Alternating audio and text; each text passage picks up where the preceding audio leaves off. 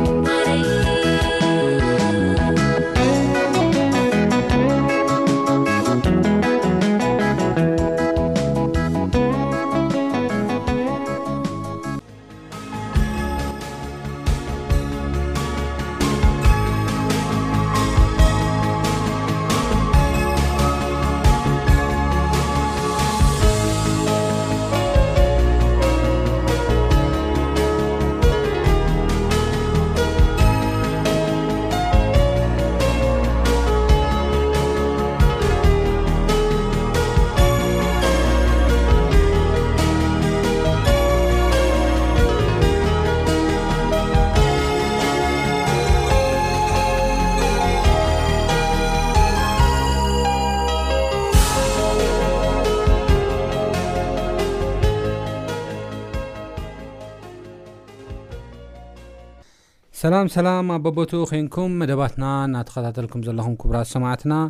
ሎሚ ውን እንሪኦ ኣርእስቲ ክርስቶስ ወንጌል ዝሰበኸሉ መንገድታት ወይ ድማ ካብ ክርስቶስ እንመሃሮ ጌል ምስካር ጥበባት ብዝብል ኣርእስቲ ኢና ክንርኢ ማለት እዩ ክሳብ ፍፃሜ መደብና ምሳና ክፀንሑ ብክብሪ ዝዕድም ኣነ ኣማን ፍሳሄ ምስ ቴክኒሻን ኢራና መላኣኩ ብምዃን ኢና እምበኣር ሎሚ ኣብዚ ናይ መጀመርያ ዝረኣናዮ ክፍሊ ናይ መወዳእታ ፋል እዩ ዝኸውን ዘሎ ማለት እዩ እዚ ሓሳብ እዚ ከና ኣብ ንርእየኣሉዋን እንታይ እዩ እቲ ሓሳቡ ክመምባልና ኣብ ዝሓለፈ ጸሎት ንኣገልግሎትና ጸሎት ህይወትና ንምልዋጥ ምፅንናዕ ንምርካብ ንካልኦት ንበረከት ንምድሓን ንምዃን ኣገዳሲ እዩ ብዝብል ርኢና ነርና ብፍላይ ካብቶም ኣጽዋር ውግእና ተባሂሎም ካብ ኣምላኽ እንረኽቦም ኣጽዋር ኣምላኽ ብዝለዓለ ብዛየደ ጸሎት ዝለዓለ ስፍራ ከም ዝሕዝ እዩ ዝነገረና ማለት እዩ እሞ ጸሎት እስትንፋስ እዩ ንብለሉ ንዑ እዩ እስትንፋስ እዩ ንብለሉ ንዑ እዩ ማለት እዩ ስለዚ ናይ መንፈሳዊ ህይወትና እስትንፋስ ዝኾነ ጸሎት ክንጽሊ ክንክእል ከም ዘለና ምክንያቱ በዚ ዓይነት ናይ መንፈሳዊ ልዕልነት ደረጃ ክንከይድ እንተ ንደለ ኮይና ብብርትዐ ክንጓዓዝ እንተ ንደለ ኮይና በቲ ናይ ፀሎት ህይወትና ክንብርትዐ ከም ዘለና እዩ ዘርኢ ማለት እዩ ብምቕፃል እምበኣር ናብ እቲ ዝቕፅል ሓሳብ ወይ ድማ ናብ ናይ ሎም ሓሳብ ክንኣቱ ከለና ቅድሚ ኢለ ከም ዝበልኩዎ ጥበባት እዩ ክርስቶስ ከመይ ገይሩ እዩ መስኪሩ፣ ከመይ ገይሩ እዩ ኣገልጊሉ፣ ከመይ ገይሩ እዩ ንበረኸት ኮይኑ፣ ከመይ ገይሩ እዩ ንምድሓን ኮይኑ ብዝብል ጥበባት ምርኣይ ኣገዳሲ እዩ ዝኸውን ማለት እዩ። ልብናስ ከመይ እዩ ማሪኽዎ? ኢንፋክት መፅሓፍ ቅዱስ ክዛረበና ከለኩ ንሕና ኣፍቂርና ጥራሕ ኣይኮነን ኣፍቂርና ካልእ እዩ ማሪኽና ብፍቅሩ ከዓ ካልእ እዩ ክልተ ዝተፈላለዩ ነገራት እዮም እዮም እዎ ፀላእቲ ኮልና ኢና ኣፍቂርና ሓጢኣተኛታትን ድኹማትን ከለና እዩ ኣፍቂርና ኣብ ሮሜ ምዕራፍ ሓሙሽተ ከይና ኣብ ንሪእሉ እዋን እዎ ካብ ሓሳቡ ወፂና ብገዛእ መንገድና ኣብ ንኸደሉ እዋን እዩ ኣፍቂርና ኢሳያስ ምዕራፍ 53 በብመንገድና ዘንቢልና ክንከይድ ከልና ማለት እዩ ግን ምፍቃር ካልእ እዩ ከመይ ገይሩ እዩ ግን ማሪኽና? ብክርስቶስ ፍቕሪ ክንወድቕ፣ ንክርስቶስ ከነፍቅር ዘኽኣለና ብኸመይ እዩ? እዚ እዩ እቲ ሓሳብ እቲ ሎሚ እውን ንሕና ክንመሃሮ ዘለና ነገር ማለት እዩ። ክርስቶስ ኣፍቂርና ጥራሕ ዘይኮነስ ብፍቕሩ እውን ማሪኽና እዩ። ብፍቕሩ እውን ኮፍ ኣቢልና እዩ። ክርስቶስ ንዝረኣዩ ሰባት፣ ኢየሱስ ንዝረኣዩ ሰባት ብምልኦም ስቕ ኢሎም ኣይምለሱን እዮም። ተማሪኾም ብፍቕሩ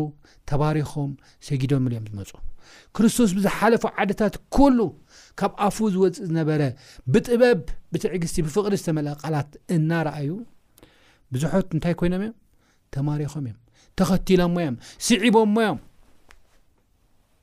ካብቶም ዋና ሃዋርያ ተባሂሎም ተጠቕሱ በዓል ጴጥሮስ ስምኦን ዮሃንስ ደቂ ዘብዴዎስ ያቆብ ከይና ክንረኢ ከልና መረቦም ጃልቦኦም ገዲፎም እዮም ስዒቦሞ ምስኡ ኮይኖም ብዙሓት ካብ ኣንስቲ ይሁዳውን ስዒበን እየን በዓል ማርያ መግደላዊት ክረኣያ ከለዋ ስዕቦሞ እዮም በዓል ማርታ ኣልኣዛር ከይድናም ንሪእኣሉዋን ስዒቦሞ እዮም እንታይ እዩ እቲ ምስጢር ኣብ ክርስቶስ ዘሎ ከምዚ ገይሩ ብፍቕሪ ደው ዘብል እንታይ እዩ እቲ ፍቕሪ ናብ መሬት ኣወሪዱ ንዓና ፍቕሪ ክንማረኽ ዝገብረና ነገር እንታይ እዩ ንሕና ከ ካብዚ እንታይ ክንምሃር ንኽእል ዝብል ሓሳብ ብጣዕሚ እዚ ጥበብ እዚ ክንምሃሮ ዝግባኣና እዩ ዝብል እምነት ኣለኒ ኣብ ሓደ መፅሓፍ ሚኒስትሪ ዮ ፊሊንግ ዝበሃል መፅሓፍ ከምዚ ዝብል ፅሒፉ ኣሎ ብዛዕባ ናይ ክርስቶስ ጥበብ ክዛረብ ከሎ ማለት እዩ እቲ ቀዳማይ ናይ ደቂ ሰባት ወይ ድማ ናይቶም ዝዛረብዎም ዝነበረ ሰባት ስክዒት ዝደሊ ኮይኑ እዩ ቀሪብዎም ዝደሊ ጥራሕ ዘይኮነ ካብ ልቡ እውን ዝደሊ እዩ ስለዚ ክቐርቦም ከሎ እውን ንሶም ክዕወቱ ክሳኽዓሎም ክከናወነሎም እውን ዝድግፍ ዝነበረ ሰብ እዩ ብጣዕሚ ዝገርም እዩ ከምዚ ገይሩ ቀሪብዎም እዚ ከዓ ልባዊ እዩ ነይሩ ኣርተፊሻል ኣቀራርባ ኣይኮነን ንዖም ንክማርኽ ንዖም ክጠዊ ኢሉ ኣይኮነን ልባዊ ዝኾነ ኣእምራዊ ዝኾነ ድሌቱን ሃንቀውትኡን እዩ ነይሩ ኣብ ዝሓለፈውን ርኢና ኢና ራእይ ምዕራፍ ሰለስተ ፍቕዲ 18 ከነንብብ ከለና ምእንቲ ክትህብትም እዩ ዝብል ዘሎ ናይ እግዚኣብሄር ድሌት ንሕና ብመንፈሳዊ ህይወትና ክንህፍትም እምነትና ክዓቢ ብቅዱስ መንፈስ ህይወትና ተቋፂሩ ክንልወጥ ናብ ምስሊ ክንልወጥ እዩ ድሌቱ ንሱ ጥራሕ ዘይኮነ ቤዚክ ኒድስ እውን ክንረክብ ሓጎስ ደስታ ሰላም ኣብ ሂወትና ክንረክብ እዩ ናይ እግዚኣብሄር ድሌትን ሓሳብን እዚ እዩ ዓርክና ኮይኑ እቲ ናይ ልቡ ክዕለና ንሕና ከዓቲ ናይ ልቡ ክንዕሎ ድሌቱን ናፍቐቱን እዩ ናይ እግዚኣብሄር ስለዚ የሱስ ክርስቶስ ሕጂ እውን ንዓና እዚ ሓሳብ እዚ ዘንፀባርቀልና ዘሎ ኣብቲ ግዜ እቲ ዝነበረ እዋን እውን ከምዚ ኮይኑ እዩ ዝቐርቦም ነሮ ብልባዊ ኣተሓሳስቡ ማለት እዩ ድሓር ምድላይ ጥራሕ ኣይኮነን ስኪዒቶም ዝደሊ ምክንውናም ዝደሊ ዘይ ጥራሕ ዘይኮነሲ ሓሊፉ እውን ርህራሄ እውን የርእየሎም ነይሩ እዩ ክወድቁ ከለዉ ዝወደቑ ሰባት ዝሓዘኑ ሰባት ገለ መልታት ካልኦት ሰባት ክፈርድዎም ከለዉ እዚኦም ኮ ዝወደቑ ወይ ድማ ድኻታት ዝኾኑ ወይ ድማ ኣካለ ስንኩላን ዝኾኑ ኣብ ቅድሚ እግዚኣብሄር ንሶም ወይ ድማ ወለዶም ሓጢኣት ስለ ዝሰርሑ እዮም ኢሎም ሰብ ከግልዎም ከለዉ በቲ ዝበጽሖም ሽግርን ሕማምን ካብ ቤተ መቕደስ ክግልዎም ከለዉ ክርሕቆም ከለዉ ኢቭን ካብቲ ዓዲ ክርሕቆም ከለዉ ናይ በይኖም ዓዲ ክፈልሎም ከለዉ ካብቲ ኣካላዊ ጸገም ንላዕሊ ኣእምራዊ ወይ ድማ ሳይኮሎጂካል ዝኾነ ማሰይቲ ከብፅሑሎም ከለዉ የሱስ ክርስቶስ ግን ነዞም ሰባት እዚኦም እናኸደ ሰብ ክትንክፎም ዘይደልዩ ለምፃማት ሰባት እናዳህሰሰ እናዳህሰሰ ፈትየ ኣለኹ ንፃህ እናበለ የሕልፎም ከም ነብር ኢና ንርኢ ምስቶም ሓጢኣተኛታት እዚኦም ሓጢኣተኛታት እዮም ከይትንክፍዎም ተተንኪፍኩሞም ንስኹም ክትረኽሱ ኢኹም ዝበሃሉ ሰባት ኣብ ማእኸሎም ኮፍ ኢሉ ድሌታቶም እናማልእን ፍቕሪ ኣምላኽ እናነገሮምን እዩ ነይሩ። ሓዛንን ርህሩህን ልቢ እዩ ነይሩ። ይርህርህሎም እዩ ነይሩ። በቲ ድኻሞምን በቲ ዝበፅሖም ሽግር ይፈርዶም ኣይኮነን ነይሩ። እወ ይፈርዶም ኣይኮነን ነይሩ። ይርህርህሎም ከም ዝነበረ እዩ ንነገራ ፃውዒት እውን ገይሩሎም እዩ ኣብ መፅሓፍ ቅዱስ ኣብ ማቴዎስ ምዕራፍ 11 28 ከድና ንሪኢ ኣለዋን ኣቱም እትጽዕሩን ጾር ዝኸበደኩምን ኩላትኩም ናባይ ንዑ ኢልዎም እዩ ናባይ ንዑ ኣነ እውን ክዕርፈኩም እየ ኢሉ ፃውዒት ኣቕሪቢ ናባይ ንዑ ዝተፈላለየ ጾር ዘለኩም ናባይ ንዑ ኣነ ከዕርፈኩም እየ ኢሉ ጻውዒት ከም ዝገበረሎም ኢና ንርኢ። ሰብ ክፈርዶም ከሎ ንስኻትኩም ሓጢኣት ስለ ዝገበርኩም ወይ ኣቦኻ ወይ ኣዴኻ ሓጢኣት ስለ ዝሰርሐ እዩ ወይ ንስኻ ስለ ተጋገኻ ኢሉ ሰብ ክፈርዶም ከሎ ካብኡ ካብ ካብ ማሕበረሰብ ክርሕቆም ከሎ ንሱ ግን የቕርቦም ከም ዝነበረ ምስኦም ኮፍ ኢሉ ይፃወቶም ከም ዝነበረ ኢና ንርኢ ማለት እዩ ሓሊፉ ብዘድልዮም ነገር እውን የገልግሎም ከም ዝነበረ ኢና ንርኢ ማለት እዩ ብጣዕሚ ዝገርም እዩ ብዘድልዮም ነገር ብተጨነቑሉ ነገር ኣነ ብዛዕባ በርጢኦምዮስ ብጣዕሚ እዩ ዝገርመኒ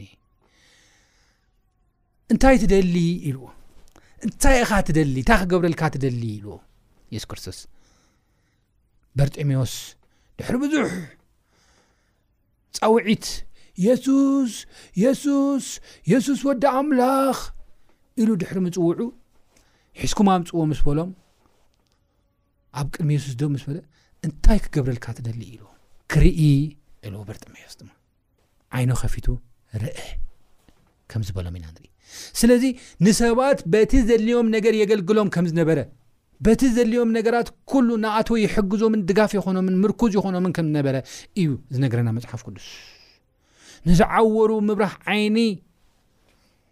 ንሓንካሳት ምሕዋይ ናይ ሕሙማት ምፍዋስ ይህቦም ከም ነበረ ንምግቢ ዝሰኣኑ ምግቢ ይህቦም ከም ነበረ እዩ ዝነግረና መፅሓፍ ቅዱስ በዚ መልክዕ እዚ ኢየሱስ ክርስቶስ ብሓፂር ግዜ ኣብ ቅድሚ ኣብ ኩሉ ማሕበረሰብ ይሁዳ ዓብዪ ተቐባልነት ከም ዝረኸበ እዩ ዝነግረና ማለት እዩ ዓብ ተቐባልነት በዚ መልክዕ እዚ ድማ ፍቕሪ ኣምላኽ ለውሃት ኣምላኽ ኣብ ልቢ ሰብ ከም ዘስረጸ በዚ መልክዕ እዚ ድማ ምሕረት ኣምላኽ ኣብ ልቢ ኩሉ ሰብ ከም ዘስረፀ እዩ ዝነገረና መፅሓፍ ቅዱስ ስለዚ ንሕና እውን እዚ ዓይነት ኣርኣያ ተኸትልና ፈረቲ ዘይኮናስ ንርህርህ፣ ንሓዝን፣ ንሰባት እውን ብንኽእሎን ብዘድልዮምን ነገር ከነገልግል ኢና ተጸዊዕና።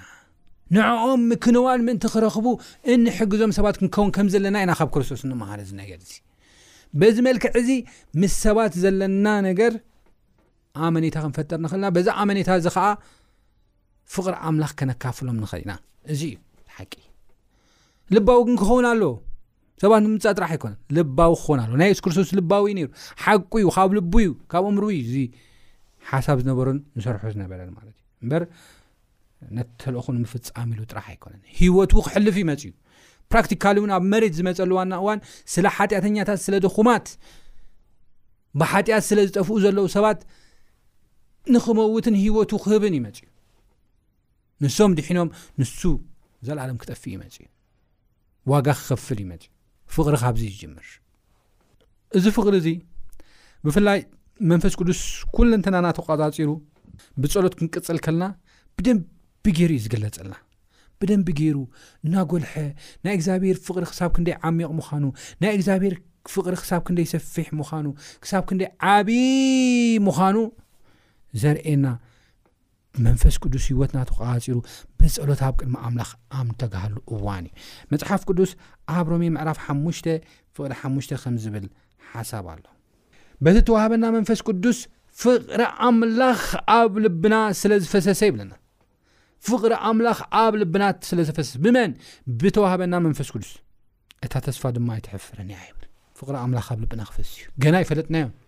ገና ኣይፈለጥናዮም ፍቕሪ ኣምላኽ ሰፊሕ እዩ ፍቕሪ ኣምላኽ ዓብዪ እዩ ክንበፅሖ ኣይንኽእልን ኢና ጳውሎስ ንኤፌሶን ኣብ ዝፀሓፈሎም እዋን ከምዚ ዝብል ቃል ፅሒፍሎም ኣሎ ኤፌሶን ምዕራፍ 3 ፍቕሪ 17 ክሳብ 18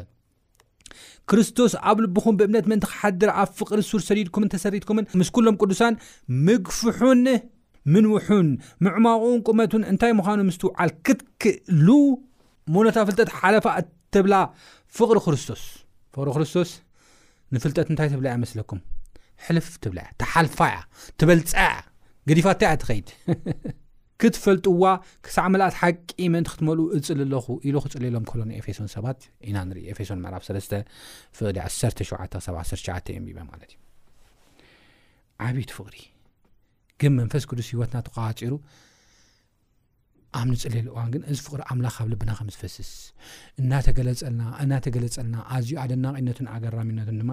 እናርኣና ከም እንነብር ኢና ንርኢ ማለት እዩ ስለዚ ከም ክርስትያናት ምስ ካልኦት ዘለና ኮሚኒኬሽን ወይ ድማ ርክብ ፅቡቕ ምእንቲ ክኸውን ፍቕሪ ኣምላኽ እውን ንካልኦት ምእንቲ ንኸነካፍል ከምዚ ዓይነት መንገዲ ወይ ድማ ቅዲ ህይወት ክርስቶስ ዝተኸተሎ